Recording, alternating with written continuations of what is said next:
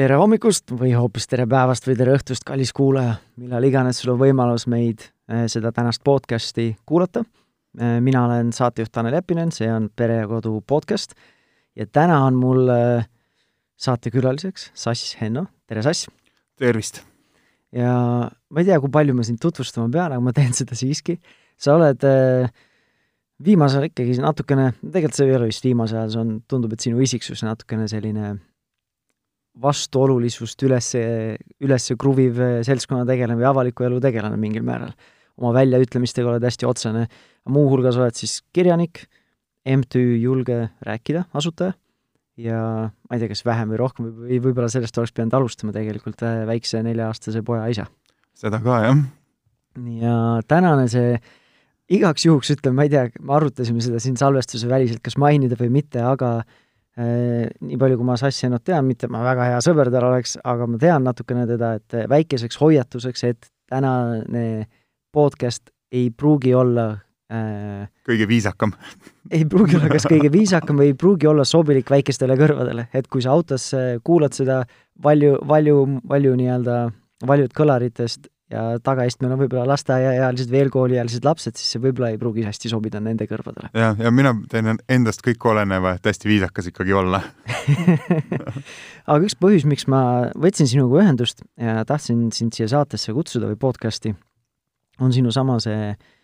viimase aja suur ettevõtmine, eh, kus sa käid Eesti, mis ta on, ainult põhikoolides ja keskkoolides, on ju? No nüüd olen käinud juba ka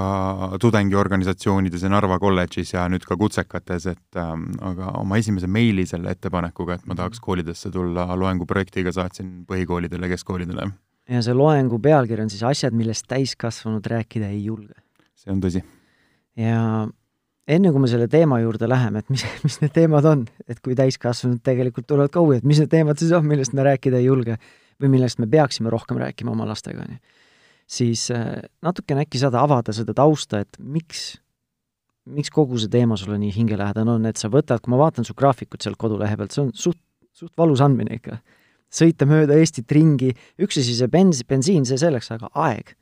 aeg kas enda töö arvelt, aeg kas enda pere arvelt, et käia, sõita Saaremaalt Narva, Narva kuskilt Võrust äh, Harjumaale, äh, sõita mööda Eestit ringi ja räägid, rääkida nendest teemadest, millest üldiselt täiskasvanud ei söanda rääkida või, või ei taha? see projekt on äh, paisunud hullumeelseks, jah. ta sai alguse sellest, et viies september ma saatsin ühe spämm-meili niimoodi, et võtsin Eesti EE aadressilt neljasaja seitsmekümne kooli äh, meilid ja saatsin neile ühe kirja, see neliteist kakskümmend kolm läks see nagu mail merge läks laiali. ja siis arvasin, et noh, iga nädal käin mõnes koolis ja natuke lihtsalt, et hoian ennast vormis ja räägin noortega olulistest asjadest. ja siis nüüd on see graafik olnud selline, et tänaseks on äh, kahe poole kuuga seitsekümmend kolm kooli käidud, kakssada kaheksa tundi olen olnud laval, üle kümne tuhande noore on olnud saalis, et äh, põhimõtteliselt ma ei tea, ma ise ütlen, et see on vist Eesti kõige, kõige nagu ulatuslikum üldse vägivallakuritegude ennetusprojekt minu jaoks, mille ma siis üksinda käima tõmbasin, et siis kiidan ja patsutan endale kõlale. et aga see idee sai alguse niimoodi, et äh, ma olen käinud koolides ähm, nii kaua, kui ma olen kirjanik olnud, mingi viisteist aastat, et ikka e-, elus inimene kutsutakse vahepeal laste ette, et näed, räägi oma loomingust ja niimoodi emakeelepäevadel ja noh, mingid sellised nagu projektid on. ja kuna see jutt liigub, et ma nagu räägin noortele ja noortepäraselt ja see on täpselt see, et ütlen vahepeal ropusti ka ja olen nagu noh, istun aknalaua peal, mitte ei seisa saali ees ja teen nagu selliseid asju, siis koolid on ikka kutsunud aga noh, ma olen kogu aeg rääkinud mingitest asjadest, mis on seotud natukene loominguga ja noh, natuke ka nagu võib-olla minuga ja aga mida aeg edasi, seda rohkem ma kuidagi tundsin, et ähm, tundsin, et ma tahaks nagu puudutada nagu mingeid päris teemasid, et päris teemad ei ole need, et ma olen nüüd äge ja tuntud ja kuulus, päris teemad on need, et ma olen mingil põhjusel ka ebakindel, tegelikult ma ei tea, mida ma täpselt teen, tegelikult ma ju ka kardan mingeid asju elus, et äh, tegelikult äh, ma olen ka nagu kuidagi katkine ja vigane ju oma otsustes või nagu, nagu, nagu hingeliselt ja et nagu miks see on, vaata. et ennast, endast selle rokkstaari või nagu seda poolt näidata on nagu, nagu maru lihtne ja see tuleb kuidagi iseenesest, et teed lastele nalja ja räägid, et kui kihvt on bändi teha või kui kihvt on raamatuid kirjutada või noh, kui kihvt on raha teenida. aga siis ma nagu kuidagi tundsin, et, et alati nagu noored on tänulikud selle eest, et kui ma räägin just enda elust näiteks mingeid asju ja vot, et see oli see koht, kus ma mõtlesin, et võib-olla see peakski see peakski olema see, millest tegelikult nagu noortele räägitakse. õpetajad seda ei tee. miks? no õpetajad ütlevad, et noh, me räägiks ka, aga noh, siis nad ei austa meid enam, kui me tuleme, hakkame rääkima niimoodi, et noh, et mis meiega valesti oleme teinud ja mis meil on halvasti läinud ja siis nad hakkavad võib-olla naerma ja noh, aga noh, vot see, see on see, et ma ütlengi, et naergegi, ma teengi ennast lolliks, ma kisungi ennast nagu noh, kujundlikult alasti, ma räägingi, kuidas ma ise olen olnud vägivaldne mees oma esimeses suhtes nagu ilma mingi kahtluseta ja kuidas ma olen olnud see niimoodi, et ma ei ole isegi aru saanud, et ma olen vägivaldne kuidagi olnud. mina ja manipuleeriv, mida kuradit. ma, ma tahtsin head ja vot, ja siis ma ühel hetkel arvasin, et ma hammustasin lahti selle, mis meil on ühiskonnas probleem laiemalt. et äh, meid saadab hirm oma vigade tunnistamises. ja vot, ja see on see koht, et kus poliitikuteni nagu nii-öelda süle lastest välja me tahame nagu kuidagi nagu justkui enda, enda vigu eitada. ja siis ma selle projekt, selle loengu keerasin täiesti vastupidiseks. ma terve kolm tundi räägingi enda lapsepõlves, kas enda vanemate vigadest või enda argusest, noh, teise tunni oma suhtes tehtud vigadest, kolmanda tunni sellest, mida me laiemalt nagu, kuidas me edasi kanname seda enda nagu ümbrusesse ja nii edasi. et noh, see on vigade tunnistamise projekt põhimõtteliselt, minu teraapia mm. -hmm. seitsekümmend tundi teraapiat tehtud juba ja päris hea. põhimõtteliselt jah, täpselt nii aga see on ju, tegelikult see on äh, väga inimlik, et see, see on ju see, mida me tahame. Äh, näha, et mina ainukesena ei ole eriline, ma olen, kui mina olen nii-öelda ebatäiuslik, tegelikult näed, see mees või see naine, kes siin laval või kus iganes räägib, tema on ka ebatäiuslik. täpselt nii. ja aga samas, kui sa rääkisid õpetajatest ka, et ma nagu saan õpetajatest väga hästi aru, et see on ikka hirmutav ju, et see nõuab selline mingil määral see haavatavus, see nõuab julgust ja jõua, jul-, nõuab sellist äh, mingil määral võib-olla isegi seda usku nende, et need hirmud võib-olla ei, ei manifesteeru või kui manifesteerivad, ma olen okei okay sellega ei, see oli, see oli räigelt õudne, ma kartsin seda kirja saata, ma noortele räägin ka, et nagu ega ma olin ikka püksi kusemise äärel selles mõttes, et kui ma seda kirja välja saatsin, et et äh, see ei olnud nagu nii, et oh, ma teen mingi äge, ägeda asja ja see tuleb äge, et ma nagu ikka nagu noh, ja loengutes ka ma siiamaani nagu tunnen ebamugavust ka seitsmekümnendas loengus mingeid teemasid puudutada ja et ta ongi hirmutav ja ta ongi nagu selline, ta, ta, ta, ta ongi hästi haprad hetked enda suhtes, kas ma peaks ja nii edasi, et noh, aga mis teha, kui sisetunne on, et see on nagu õige tee, siis nagu noh, täna kaks tuhat üheksateist ma usun, et see on nagu õige tee. et seda kõva meest ma olen mänginud elus nagu juba noh, aastaid, et jah, ma, arvan, et see ei ole kaks tuhat üheksateist teema, see on nii-öelda selline julgus olla see, kes sa oled, julgus rääkida oma vigadest, nii-öelda mingil määral see haavatavus, see on, ma arvan, et inimloomuses. et ja täna, eriti võib-olla just tänapäeva ühiskonnas, kus me oleme nii-öelda kümbleme selles sotsiaalmeedia lummuses, kus kõik panevad oma parimad hitid sinna ülesse ja siis ma vaatan kõiki neid teiste parimaid hitte ja. Eh, sotsiaalmeedias ja siis kumb, va-, vaatan seda nii-öelda enda igapäevaelu, kõiki neid vigasid, mida ma igapäevaselt teen, neid suuri ja väikeseid vigasid, eksimusi, möödalaskmisi, mittemärkamisi, kõiki neid edasi, see ongi nagu, see on nagu nii värskendav, kui ma näen, et tegelikult elu ei ole ainult see, mis täiuslik kuvand kuskil on sest lihtsalt endal isiklikust elust ka, kui ma olen käinud lasteaedades ja algkoolides rääkimas, äh, üks vestlusring või töötuba, no ta ei ole töötuba, pigem vestlusringi arutelu on äh, laste kasvatamine karistusteta, siis kui ma seal samamoodi olen rääkinud neid, ei ole neid väga palju, aga neid olukordasid, kus ma ise olen üle käinud ja ma, ma jagan ühte lugu, kus ma siis oma kahe poole aastase lapsega une, unerežiimil, unerutiiniga teda magama lihtsalt tund aega lihtsalt lõpuks kammis ära, ma lihtsalt võtsin ta järsku enda käte vahele, nagu mitte ei visanud, aga jõuliselt panin ta sinna voodisse ise läbi hammaste sisisedes, et jää siia voodisse paigale juba, kaua võib, mitu korda juba võib, ma ei jõua, ma ei taha, mis iganes, on ju. ja siis need kohad on need tegelikult, mis kõige rohkem kõnetavad, inimesed noogutavad, ma olen, ma olen täpselt sealsamas olukorras olnud ja mingil määral see nagu toob meid kohe inimese tasemel kontakti. ja mul on palju lihtsam kuulata seda, mis ülejäänud sõnumgi on. jah, täie-, täiesti nõus, et see on nagu, nagu sa kirjeldad, üks komponent ongi see, et et kui ei tule politseinik või noorsootöötaja kooli ja ei hakka rääkima, et, et andke teada, kui teie peres esineb järgmisi asju, ma ei tea, alkoholi või lähisuhtevägivalda või noh, ma räägin noortele ka, et kui mult oleks keegi kunagi küsinud noorena seda, et andke teada või täitke ankeet, noh, ma oleks igale poole vastanud, et ei esine mingit vägivalda, ei esine mitte midagi. noh, ma ei, ma ei teadnud isegi, et see see on. vaata, kui sa ei ole ette näinud, et täiskasvanud mees võib öelda, kurat, ma käitusin ka oma lapsega valesti, on ju et äh, sa ei tule selle pealegi, et sa võid seda tunnistada. et äh, see, see on, see on nagu, nagu see esimene vajadus. ja nagu ma arvan, et teine vajadus sealt edasi on see, et me annaksime kätte ka nagu nii-öelda nagu tööriistad, et kuidas siis nagu endaga käituda, et seda nagu peatada. et äh, ma räägin karistuste vabast kasvatusest täpselt samamoodi seal, et nagu praktiseerin oma pojaga äh, ja ongi, et vahepeal ühte karjatust peab asendama kolm vestlust kahe nädala jooksul mingil teemal, et miks ei minda, ma ei tea, moosiste kätega kardina kallale näiteks. aga selle ühe karjatuse ärajätmis äh, nagu õppetund enda jaoks, see on tohutult nagu väärtuslik ei, lapsed pakuvad mm -hmm. lugematu arv olukordasid iseennast arendada no,, endaga tööd teha.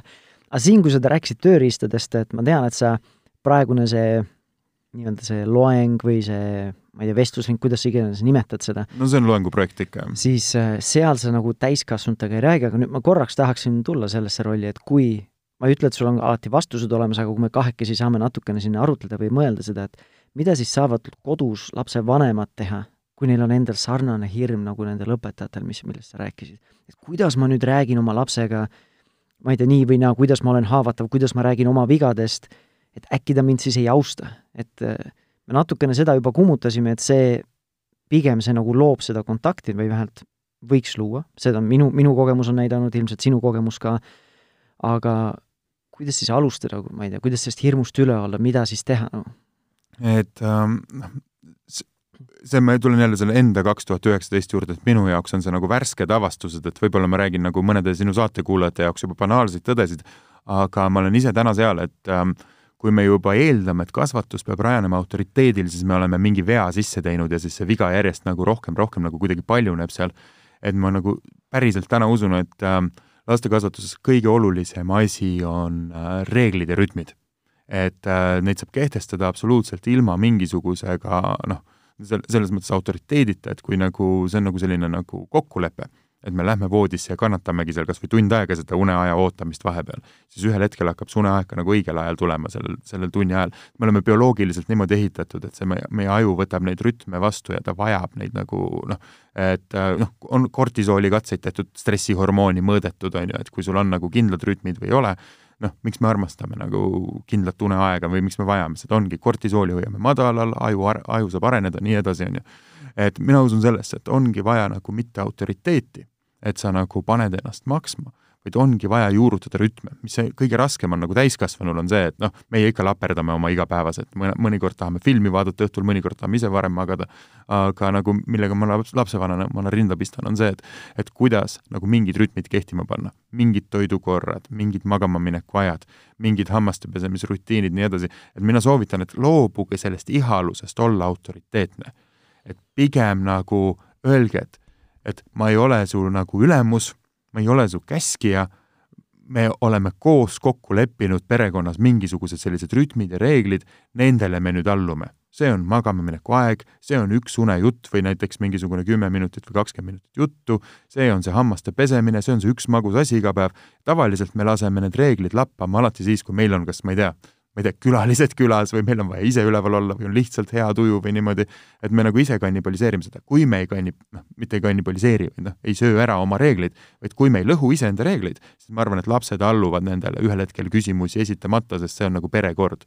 mm. -hmm. ma natukene see võib-olla läheb väga selliseks semantikaks, aga ma arvan, et see autoriteetsus ei ole halb, aga see kontrolliiharus, millegast me nagu tahame kontrollida seda väikest inimest. just, et kuidas me väljendame seda autoriteetsust jah ja,, et et kas me nagu noh, väljendame seda karjatuste või nagu selliste nagu ähvardustega või manipulatsioonidega, noh, minu jaoks mhm. täna juba preemia äraostmisega või siis äh, karistusega. et see karistus ja premeerimine on juba minu jaoks täiesti täpselt sama asi, et kas see on ähvardamine või nagu noh, manipuleerimine siis kiitusega. mingil määral nagu kontrollimehhanism, et mina Just. või siis üks inimene proovib teise inimese käitumist kontrollida, kas siis oma preemiatega, äraostmisega või siis ähvarduste ja karistustega, on ju jah, et selle tööriista küsimuse alguse juurde nüüd tagasi tulles, et et äh, kui me suudame öelda seda lauset juba või kui teie, kallid lapsevanemad, suudate ka öelda seda lauset, et ma ei tea, kuidas praegu oleks õige käituda, no et siis on see koht, kus sa oled nagu heas kohas. Et see, et sa saad otsima hakata, et ma ei, ma ei, ma ei tea, kuidas, kuidas käituda siis, kui ma nagu ei karju ta peale või kuidas käituda siis, kui ma ei ähvarda nurka panna või ei ütle, et kui sa nüüd hambad ära pesed, siis hommikul ootab sind šokolaad või midagi sellist. et äh, vaid siis sa saad minna tarkvanem.ee-sse ja siis sa saad minna sinu, sinu sinna positiivne ja rahumeelne vanemlus Facebooki gruppi, on ju, saad isat-, esitada juba õigeid küsimusi, aga minu arust kõige alus on see, et sa tunnistad, et võib-olla see, kuidas mind kasvatati, ei ole õige, võib-olla see, et ma pean kõike teadma, ei ole õige. see on ebarealistlik ootuse seadmine endale. või siis seesama, et nüüd, et olla jutumärkides hea lapsevanem, siis ma peangi olema täiuslik, ei pea nagu. jah, et ja pigem, pigem nagu see ise nagu julg,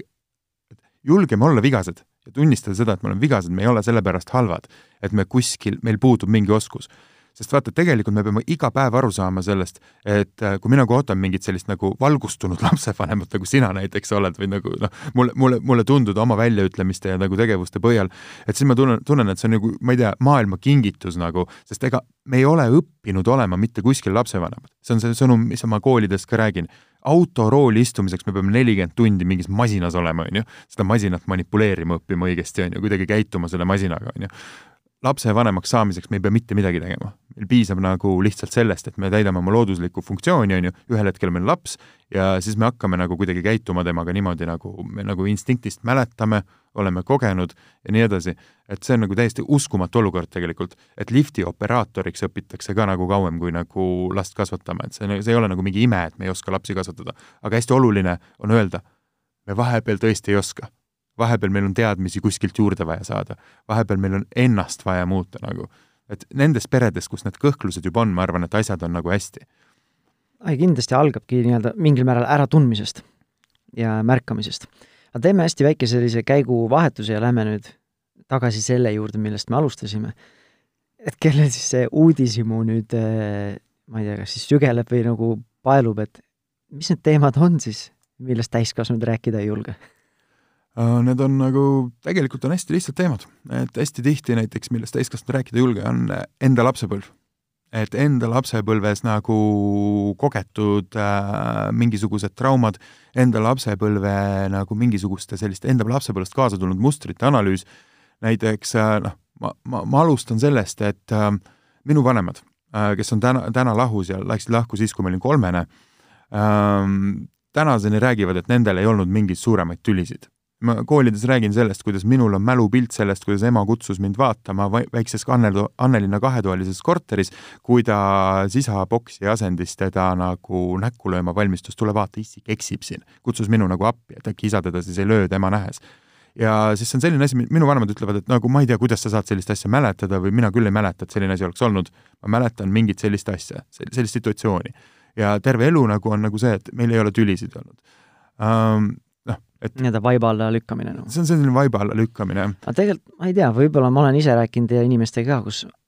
ongi see, et mingil määral mälus nagu blokeerida ära mingid traumeerivad kogemused ja ei, nagu tegelikult ei olegi teadlikus meeles, ei olegi seda mälestust nagu hästi tihti need lapsed, kes on kogenud äh, nagu,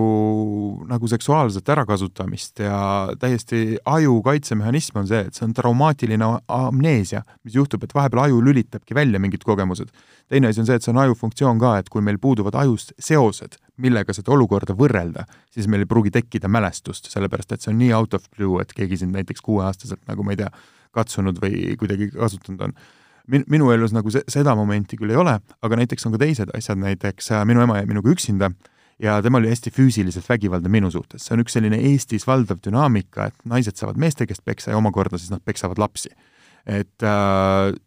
minu ema oli nagu minuga nagu hästi, hästi füüsiliselt karistav, kui ma kunagi täiskasvanuna olen sellest rääkinud temaga, et umbes, et noh, et ega tegelikult ma muud ei tahakski, kui sa ütleks, et kuule, et sa ei oleks pidanud või et ma ei oleks pidanud sind lööma, et sa tulid päris hästi välja. või et sa ei väärinud seda või? jah, et äh, siis tema vastus oli sellele,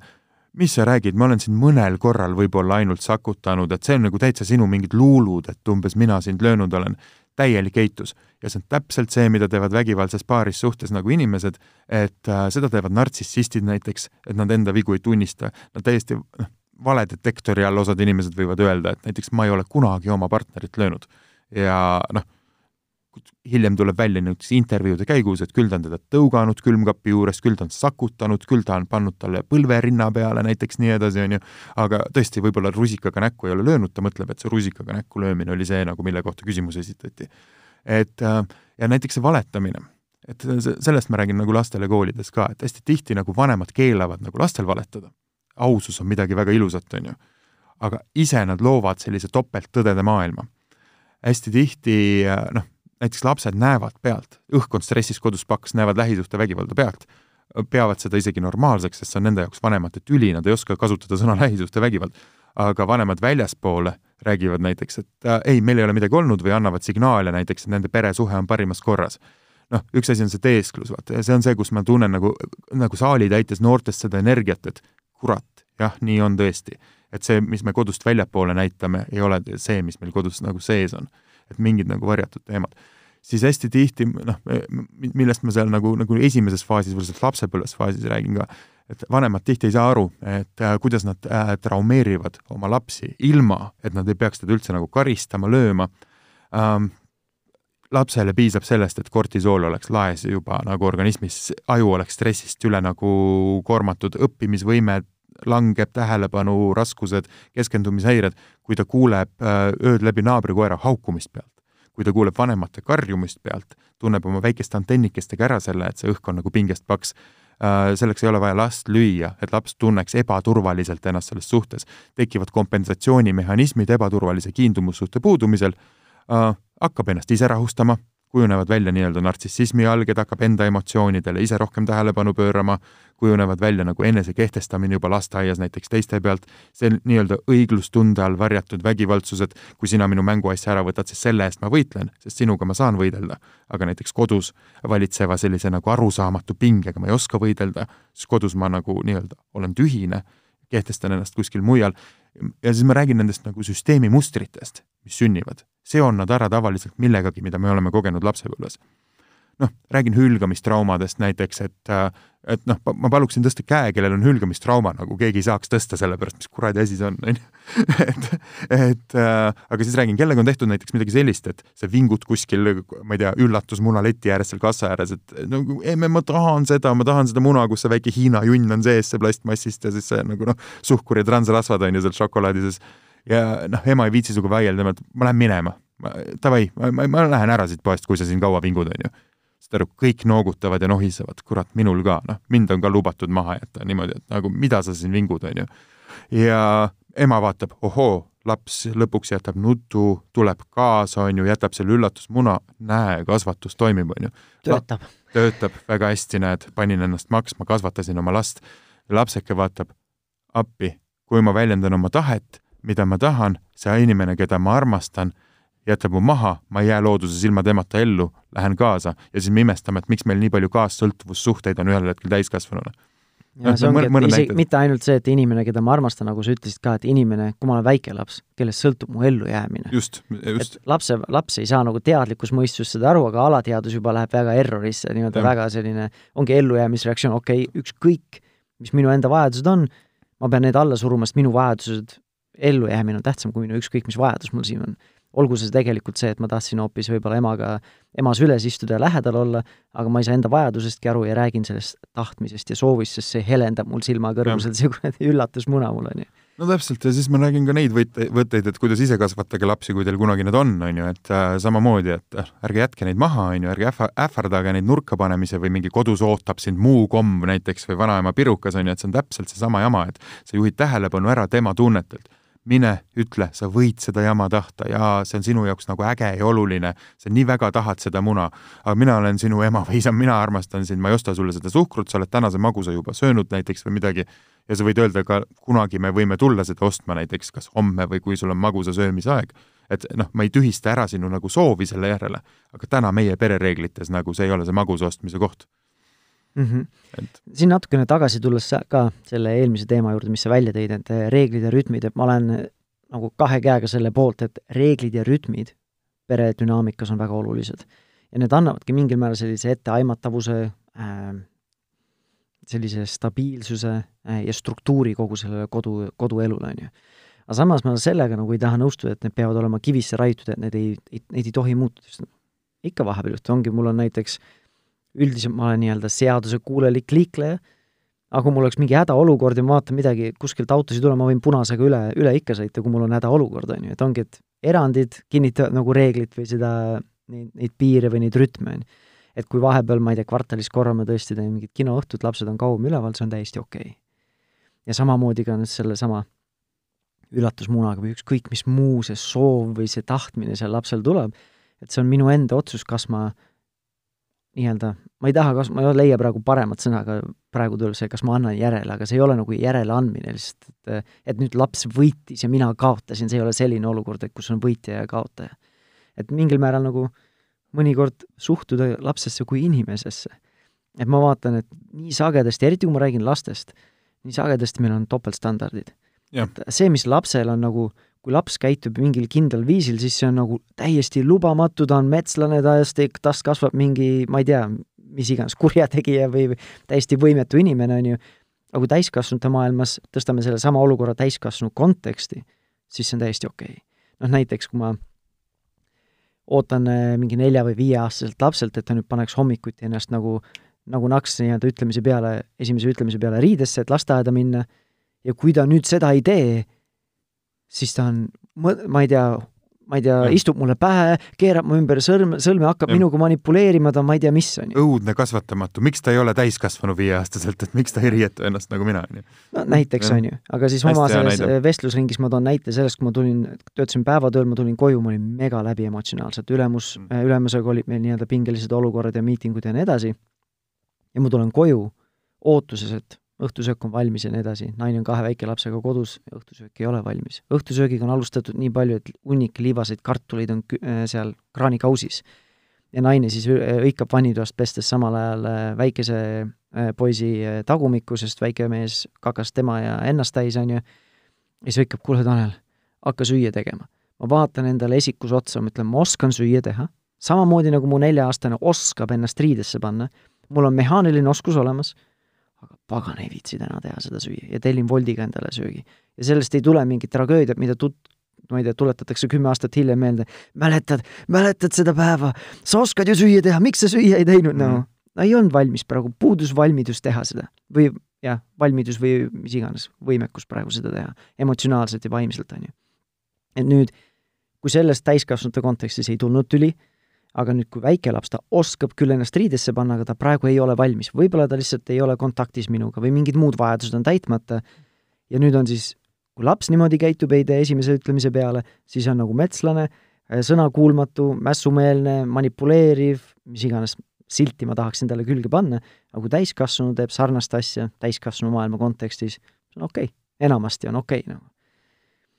jah, ja siis äh, toimuvad ka need väiksed nagu sellised nagu mudeldamised sealt pealt, on ju, et laps hakkab nagu mingit nagu noh, peredünaamikat võib-olla ka nagu, nagu järgima, et noh, minu, minu üks avastusi, mis enda peal on olnud, on see, et näiteks kui nagu mul poeg ütles meil lapse emale, et äh,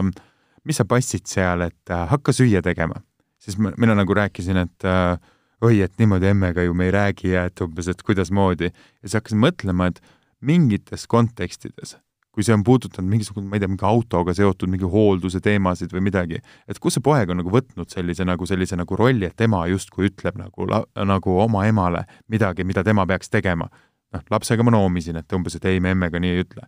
aga mida ma jätsin ütlemata või mõistmata tollel hetkel oli see, et ma ise olen samamoodi olnud patroniseeriv või nagu, et umbes mingisugune, et ära osta seda telefoni, sellel ei ole ju enam garantiid või midagi, osta ikka sealt umbes selline telefon või nagu, et noh, et see nagu etteütlemise soov oma partnerile, et mu poeg on mudeldanud sedasama soovi, tõstnud selle teise konteksti ja tema tahab ka olla nüüd see mees majas nii-öelda. ja selle avastuse nagu enda nagu nii-öelda peegelpilti panemine, et okei okay,, et mina, kes ma nagu arvan, et ma olen endast igasuguse vägivaldsuse ja sellise manipulatiivse käitumise selle nagu, nagu, nagu, nagu elimineerinud ei kurat, need asjad on täpselt minus alles. Need asjad on ikka siiamaani alles, nad lihtsalt pistavad pea püsti sellises kohas, kus ma neid märgata ei oska isegi ja ikkagi annavad seda nagu nii-öelda biiti, mida ma olen nagu tõks, tõks, tõks terve oma lapsepõlve nagu kuulnud. või oskavad ennast väga hästi maskeerida, noh. oskavad, need, need, need asjad oskavad ennast nii hästi maskeerida, et täpselt, et iseennast teemaga kursis olevaks pidavalt ma ikkagi eksin ja vot see on nagu see, et äh, noh, ma ütlen nii, nagu koolidest on ka seda nalja, et ärge kunagi nagu oodake, et umbes mingisugune, et noh, ma ei tea, psühholoogid või need, kes ühiskonnas sõna võtavad mingitel teemadel, oleks nagu ise veatud et mida parem,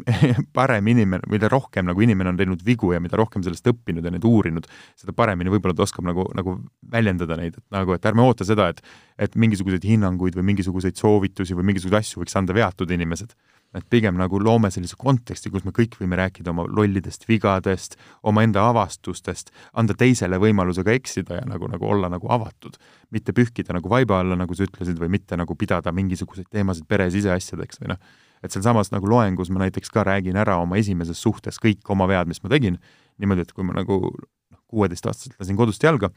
hakkasin tüdrukuga koos elama, hästi äge suhe, hakkasin tööl käima gümnaasiumi kõrvalt, nii edasi, ja siis mingi hetk kõik need asjad tulid sinna suhtesse, kus ma kõigepealt hakkasin teda halvustama, sellepärast et tema kukkus mingi hetk koolist välja, kus ma mingi hetk äh, hakkasin õiendama, et ta peab kindlasti kuskile kooli minema ja ei tohi oma sõbrannadega päeval aega veeta näiteks, sest mina käin koolis ja tööl umbes, et noh, et ära jää lolliks, ära vaata seebikaid, tekkis halvustamine.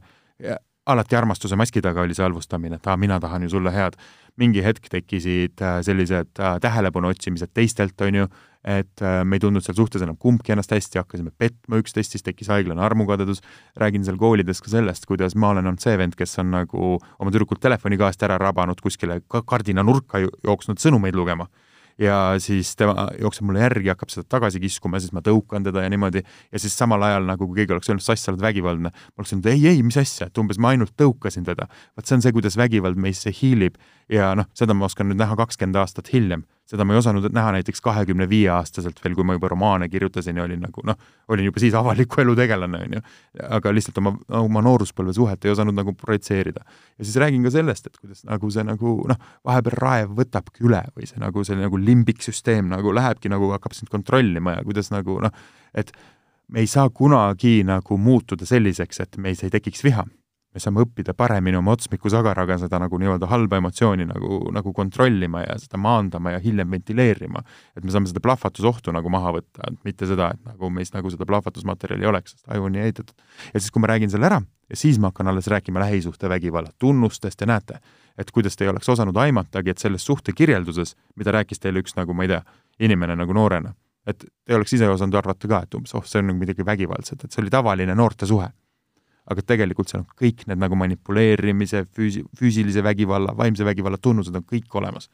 ja eitus ka, ei see probleem ei ole minus, probleem on selles, et mu tüdruk on selline ja teistsugune.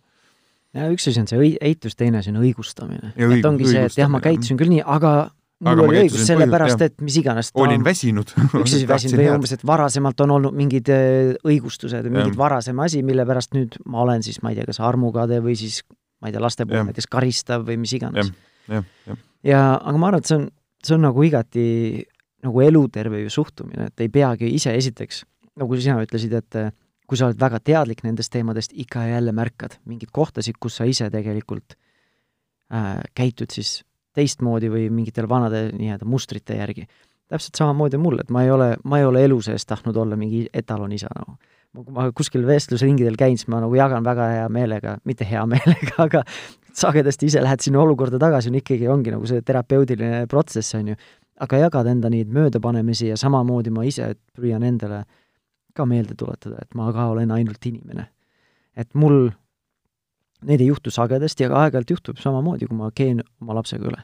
ja minu suhtumine on see, et kui nii-öelda selline üleüldine kasvatus on toetav, siis need väikesed tormid, mis siin-seal muutuvad, need ja kui sa ise veel küpse inimesena proovidki neid võtta kui õppimiskogemusena ise, esiteks ise, et mida ma ise saan sellest õppida, kuidas ma saan järgmine kord sellises olukorras paremini käituda. aga teine asi ka siis see, et äh, kasutada neid õppimiskogem-, õpetamiskogemuseks oma lapsele, noh, kas või see, et äh, õpetada siis, kuidas olukorda parandada, kuidas taastada kontakt ja suhe, kuidas vabandada. selle asemel, et öelda lapsele, et mine palu vabandust, kui sa teisele lapsele haiget tegid, on ju,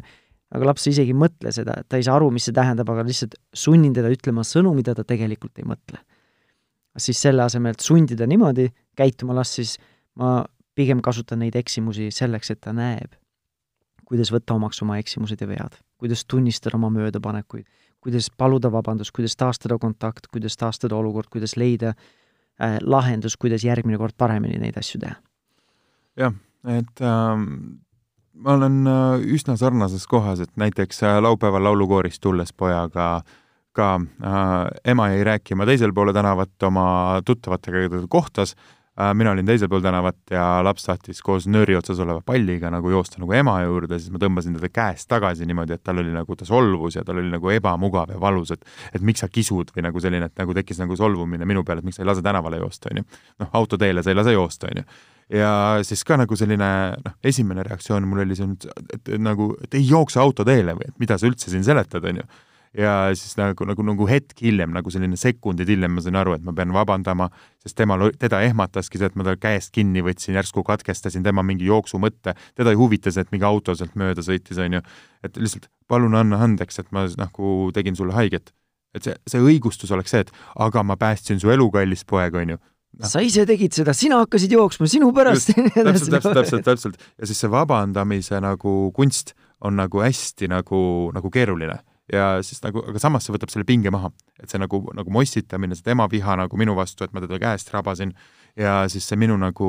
noh, nagu see enda õigustus ka, et aga ma tegin seda sellepärast, et on ju, et äh, kui see vabandus, see nagu maandus kõik.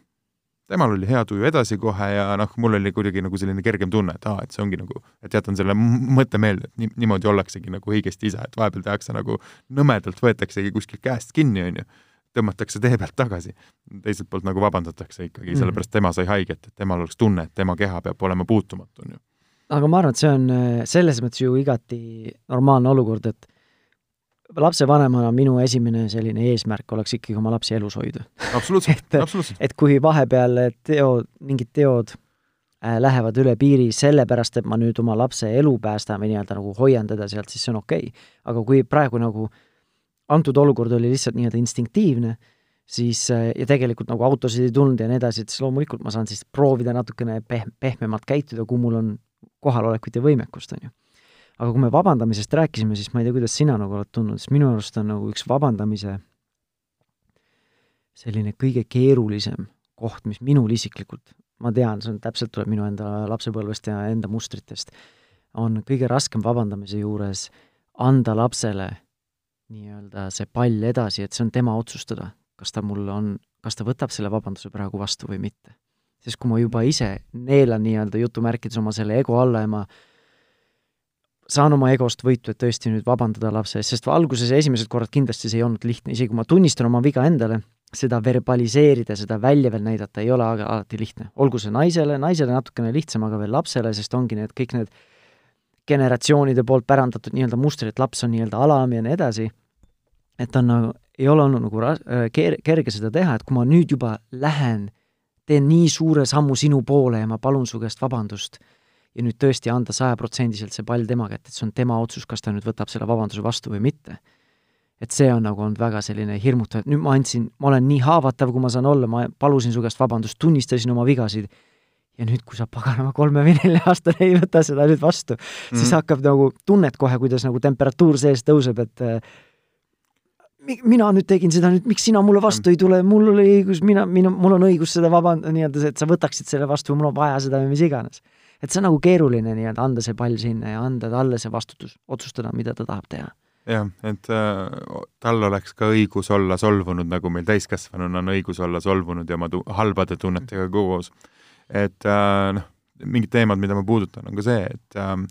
et ähm, tegelikult lapsevanematena hästi tihti me ei taha ju oma lapse valu näha, et see on nagu loomulik, valu on alarmeeriv, aga sageli need pettumused ja see nii-öelda hingeline haiget saamine, et nagu äh, tegelikult meil on nagu justkui nagu vaja õppida lapse valuga ka vahepeal koos olemist, et kui talle tehakse nagu ma ei tea, solvub mängukaaslastega, lasteaias tehakse liiga, mingisugune noh, et panna ta rääkima ka halbadest asjadest, sest äh, noh, ma enda puhul nagu olen kartnud seda, ma arvan, et nagu ma olen selle nagu teemani nagu nüüd tänaseks tapnud, aga aga just, et see, et hea laps on hea laps, et kui sa oled nagu või, või nagu rahulik laps on hea laps või nagu kui õnne... sa käitud hästi, siis sa oled hea laps. jah, et, et nagu, et, et ma se, seda nagu, seda nagu teemonit ei toida, et et ta võib olla kurb, ta võib olla solvunud, ta võib olla pettunud, ta võib olla noh, täiesti nagu noh, mingite asjade pärast endast väljas, et kui mingi nagu kaheaastane läheb hüsteeriasse, et ta ei näe oma, ma ei tea, peeru, on ju, kust see tuli, on ju,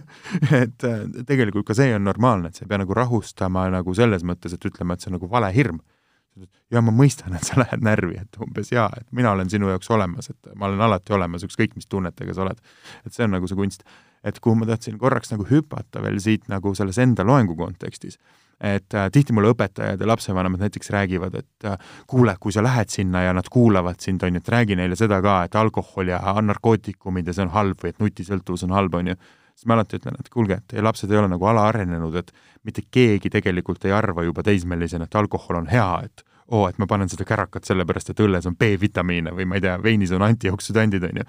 tegelikult me kõik teame ju, et see hävitab meid, me kõik teame, et see on kahjulik uh,. meil on lihtsalt ühel hetkel valik, et kui me oleme nagu harjunud sellega, et me ei ole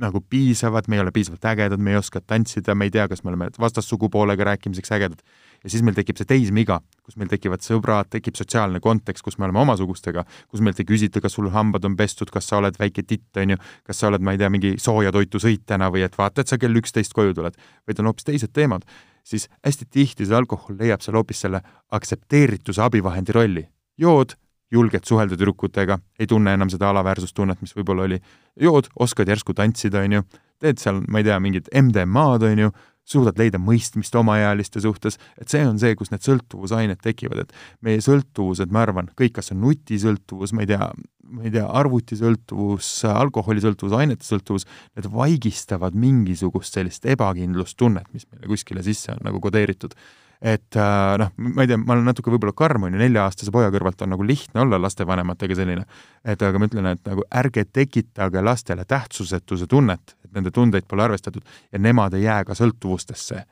et see nagu hästi tihti nagu kuidagi on nagu seotud. et muidugi nagu sõltuvused on biokeemilised ka, et kui sa juba seal kuskil nagu alkoholi nagu otsas oled, on ju, või nikotiini otsas oled või nagu narkootikumide otsas oled, et siis jah, et nagu noh, ei piisa sellest armastusest ka enam aga nagu algus on ju see, et me tegelikult tahame ennast aktsepteeritavana tunda, vaata mm. -hmm. see oli tegelikult, äh, see oli vist kaksteist, kaks tuhat üheksateist, EU Kids Online mingi uurimus, mis uuris äh, üldse nutiseadmete kasutuste Euroopa Liidu teismeliste seas, Eestis osales ka üle tuhande noore äh, selles uuringus, siis seal toodi samamoodi välja, et nii-öelda et nu-, mis nutikäitumised, nutisõltuvused, muud asjad aga siis seal all oli seesama asi, et lapsed tahavad, et neid nähakse, neid kuulatakse. sest tänapäeval ongi, sõidad igal pool tööle, koju, huvialaringidesse, sõidutad lapsi ringi, et me oleme rohkem nagu logistikud oma lastele, või mitte, mitte rohkem, ütleme, võiksime olla siis vähem logistikud ja rohkem inimesed oma lastega, noh. Äh, kogu selle teema nii-öelda võib-olla nagu kokkuvõtteks või teema lõpetuseks ka, ma ise olen viimasel ajal nagu mõelnud, et äh, et ma näen, et praegu selle, kogu selle rahumeelse või lugupidava äh, kasvatuse juures äh, see nagu minu jaoks on nagu väga sarnane, et kui mingi, kuna iganes see naisõigusliikumine oli, äh, kahekümnendal sajandil ilmselt või kunagi, võib-olla varem, ma ei tea. no kuuekümnendatel, seitsmekümnendatel tuli nagu naiste hääl nagu kuuldavaks. et siis tundub mulle nagu sarnane nii-öelda liikumus praegu laste õiguste puhul. et ongi, et kui varem oli ka mingi üheksateistkümnendal sajandil naine oli ka nii-öelda omand, on ju, võisid teha mida iganes, mida ta, mida tahtsid temaga, siis nüüd on, mul tunne nagu laste puhul on sama, et et arvestatakse üha rohkem ja rohkem laste õigustega äh, ja selle puhul nagu minu arust on nagu väga teretulnud selline, sellised nähtused ühiskonnas, arengud ja liikumised, aga samas nagu peab tähelepanelik olema või teadlik olema, et me ei läheks täiesti teise äärmusse, sest ma ei saa nagu anda nelja-aastasele täiskasvanule äh, vastutust. ei, absoluutselt mitte. või teismelise või eelteismelisele, aga nagu leida selline nagu äh,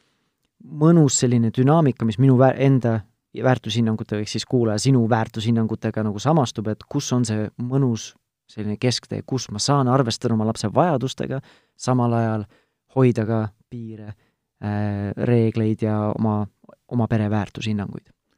jaa, ma olen täiesti nagu nõus, et lapsele ei tohi anda vastutust asjadest, kus tal puudub piisav info näiteks otsust langetada, noh, mida sa süüa tahad, on ju, kas sa tahad täna riisi või kartulit, on nagu okei okay asi küsida. purksi, friika. aga täpselt see, et umbes mingisugune, et mida me sööme, on ju, ma ise oleks lapsena ka söönud ennast kommidest lolliks, on ju, isegi lastelaulud on, et kui kõik maailma võim oleks laste käes, siis küll kõik sööks komme ainult, noh. nii, nii see vaata ongi, et ega nagu me teeme ju valesid valikuid ja see ei ole laste probleem, täiskasvanud teevad kogu aeg valesid valikuid, kleebivad enda auto peale kleepsed, nad käivad Lätis viina ostmas või maksud sõidavad ja on maru uhked, et oo, ma tekitan endale ajukahjustust või maksakahjustusi, on ju, et nii edasi, et noh, et me teeme täiskasvanutena ka endale kahjulikke valikuid, mida siis veel lastele, kelle info on veel piiratum teha, et nagu tegelikult me peame vastutama selle eest. aga nagu noh, ma usun, et kõike saab teha lugupidavalt. Et ma soovitan isegi nagu, et kui ma ei tea, te ostate lapsele mingit jopet või midagi sellist, te võite ju alati küsida, kas me ostame sulle selle või teise, mitte et kas me ostame jope ja alati, kui midagi nagu noh, peres juhtub, et nagu ma ei tea, tõmbad kogemata sellesama jope luku vahele selle lapse kaelakese, on ju,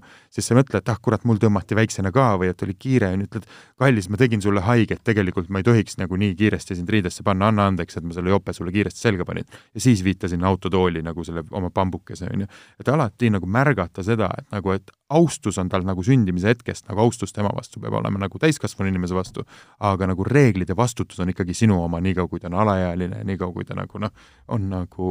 noh, sinu hoolitseda ja ellu jätta mm. -hmm selle teema juures on minu arust oluline õppida vahet tegema ja vahepeal isegi täiskasvanu on väga raske enda puhul vahet teha vajadustel ja soovidel ja tahtmistel. et see, et laps nüüd tahab seda kindersurpriisi seal, on ju, see on soov ja tahtmine. see, et mina tahan täna, see, et mina tahan täna lihtsalt binge watch ida Netflixi või mis iganes, binge watch ida, mis iganes eesti keeles see on, lihtsalt nii-öelda tuimalt istuda nagu juurvilisel diivani peal ja vaadata mingit Netflixi, mul ei olegi isegi Netflixi, aga lihtsalt näide, on ju vaadata seda mingit lemmiksarja tunde ja tunde ja tunde, see on ka tahtmine, soov, see ei ole iseenesest vajadus. et mis see vajadus seal on, kas vajadus on tegelikult puhata, vajadus on tegelikult läheduse järele või lapse puhul, kas tegelikult on vajadus koosolemise järele, võib-olla ta on lihtsalt ja... üles stimuleeritud võib-olla lasteaiapäevast või koolipäevast ja nii edasi. proovida nagu eristada seda. et see, et ma arvestan lapsega, see ei tähenda, ma pean lapse tahtmistele järgi andma kogu aeg. absoluutselt nõus, jaa. et ma saan hoida oma piiri Just. aga samal ajal proovida aru saada, mis see vajadus on ja proovida, kui võimalik, adresseerida seda vajadust või vähemalt tunnustada seda vajadust. ja mõnikord sellest piisabki, et ma lihtsalt näen seda, mida tal on vaja, ma näen, mis, kes ta on, mis tal on vaja praegu. jah, et äh, jälle taaskord täi-, täiesti õige, et äh, et enda piire ei tohi mitte kunagi unustada, et see on nagu mind kõige rohkem nagu noh, lastekasvatusdiskursuses nörritab, kui räägitakse, et vaba kasvatus on midagi halba. noh, vaba kasvatus ei ole see, et sa nagu lased reeglid vabaks, on ju. et vaba kasvatus on see nagu see, et sa nagu lubad otsustada nagu reeglite piires lapsel mingeid asju ja arvestad tema soovidega. aga see, see, see on hoolimatus, mitte vaba kasvatus, kui sa lased lapsel lihtsalt nagu istuda arvutis nii kaua, kui tahab, olla üleval nii kaua, kui ta tahab äh,, süüa, mida ta tahab. see on tegelikult nagu lihtsalt nagu, nagu oma lapse nagu katki tegemine, sest tema tunneb selle vabaduse keskel, et tegelikult tal ei ole ju kedagi, kellest juhinduda, kes temast nagu, talle nagu dialoogipartner oleks. see on nagu ülemus, kes ei juhenda, vaid lihtsalt ütleb, et kuule, ma ei tea, vaatad siin firmas nagu, kuidas see nagu kasum sul tuleb või ei tule või noh, vist ei tule, on ju kolmandal päeval lähed hulluks, on ju. Mhm. või lähed nagu esimest korda džunglisse ja pole ühtegi midagi teadnud ja sa ei tea, mis on mürgine, mis on söödav, mis iganes, et lihtsalt ise ka ei tea, et oledki ärev kogu aeg, on ju. ei tea, mis reeglid seal toimuvad, toimivad ja nii edasi suur-suur aitäh sulle, Sass, et sa võtsid aega, et tulla, rääkida, jagada. kui äh, kedagi nüüd väga kõnetas, kas või seesama sinu äh, äh, loengu, loengu teema, siis kust saab infot, kuidas sind saab tellida enda ühingusse, organisatsiooni, kooli, kuhu iganes um,? Jaa, kõik äh, kirjutage ja helistage ja chatige minuga igal pool sotsiaalmeediakanalites ja võite vaadata, kui koolid huvitavad, siis www.henno.ee kaldkriips loeng ja võite küsida mult sotsiaalmeedias ka üle, kui nagu aadress meelde ei jäänud. ja mina kutsun alati koolidesse, nagu kuigi koolid eriti ei taha, et sealt tänavalt tuleb, aga kui te näete, et teie piirkonnas, mul on selle kodulehel on kõik nagu loengud üleval, et kui te tahate, tahate tulla näiteks kooli kuulama, siis ma ütlen, et te olete, ma ei tea, minu külaline ja te võite alati tulla, sest koolid peavad ühiskonnas olema see koht, kus äh, teadmised lähevad laiali, mõistmine läheb laiali, et nagu see, et kinniste uste loenguid nagu ma ei toeta ja millest me täna siin saates ei rääkinud, aga nagu koolides nagu, millele ma pühendan terve tunni, on ka seksuaalvägivalla teema, et mis on nagu üks nendest asjadest, mida kodus ei osata rääkida, et me kõik oleme kuulnud küll sellest, et äh, ma ei tea, ära võta võõralt kommi vastu või et umbes mingisugune ära liigu pimedal ajal pimedas kohas või alati teata, kuhu sa lähed, aga paraku on nagu see meie nagu nii-öelda sellistes nagu meie ühiskondades see lähisuhtevägivald, mitte ainult, vaid seksuaalvägivald, mis pannakse toime laste ja noorte suhtes, see on hästi tihti oma tuttavate nägu, seda kahjuks teevad oma pereliikmed ja tihti on ka see, et äh,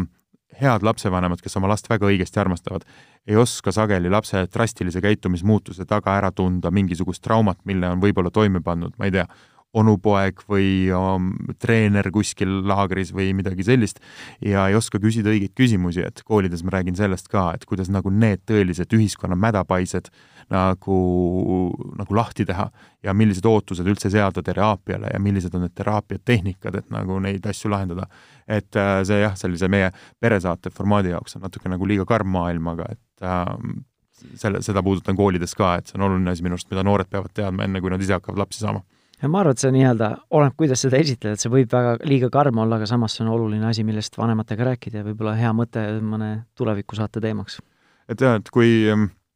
ma kui sa ütlesid, et saate lõpus alati, et kas midagi jäi rääkimata, siis üks asi, mida ma tahan südamele panna nagu kõigile peredele üle Eesti, et alati me teame, et kus on nagu, ma ei tea, hädaabitelefoni number õpetame lastele või kus on varuvõti peidetud või kus on nagu, ma ei tea, tulekustuti, kui midagi peaks juhtuma. Aga me ei räägi sellest, et mida peaks tegema siis, kui toime pannakse seksuaalkuritegu näiteks sinu lapse suhtes, mis on nii mõeldamatu. Eriti veel poiste vanemad näiteks ei mõtle selle peale eriti, et kuidas see laps julgeb tulla sinu juurde, et see tegelikult peab olema kahjuks nagu pere sees enne valmis räägitud. et kui mingisugune selline asi on, siis julge rääkida, see eeldab seda, et sa ei ole karistanud teda muude väiksemate tõdede eest, kui ta on sulle julgenud tunnistada, et kinnas kadus ära või nagu ma ei tea, rahakott läks kaduma et sa ei karista selliste asjade eest, sest laps teeb muidu omad järeldused, ta ei saa vanemaid usaldada. ja kõige rohkem sellist vaikimist ja kõige rohkem nagu teraapiasse mitte kunagi jõudvaid juhtumeid tuleb alati peredes nagu sellest, kus laps ütleb, et vanematele ta ei ole julgenud rääkida. miks ma selle praegu välja tõin, on see, et nende seitsmekümne kolme kooli jooksul ma olen saanud kümmekond kirja nagu noortelt,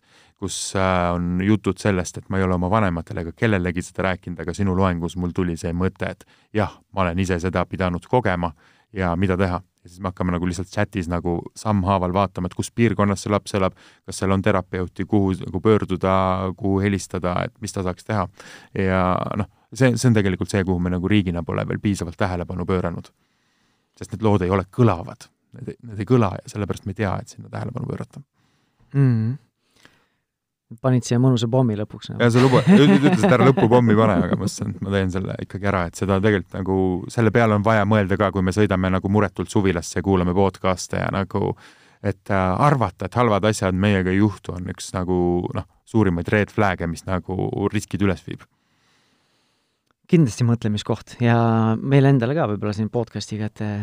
tule, tulevikus või oleneb, kuna see saade üles läheb, võib-olla juba varem on juba see saade üles läinud sel teemal, et vaadata sellesse, selle teema arendamisse. aga veel kord sulle suur-suur aitäh! aitäh kutsumast minu poolt ka! henno.ee, kaldkriips loeng koolidele, muudele asutustele, kes tahavad sind eh, tellida või uurida vähemalt, mis see loeng endast kujutab. ja suur aitäh sulle ka, kallis kuulaja, et sa võtsid natukene enam kui viiskümmend minutit aega, et meiega veeta, ma loodan, et see oli sulle huvitav ja meeltmööda. kui tänane teema läks sulle korda, siis meil on nii-öelda jutumärkides arhiivis juba kümneid ja kümneid eh, varasemaid podcast'e, alates paarisuhtest, kuidas seda hoida, kuni siis spetsiifiliste laste kasvatamisega seotud teemadeni. ja sa leiad kõik need varasemad kui ka tulevased äh, podcastid enda nutitelefoni podcasti rakendusest, Spotify'st või ka Delfi ning Pere ja Kodu veebiväljaandest. ja kui sa mingil põhjusel soovid internetiavarustest mind üles otsida, siis minu sa leiad Facebooki grupist Positiivne ja rahumeelne vanemus. selleks korraks tänaseks joon all, aitäh veel kord ja järgmise korrani, tšau!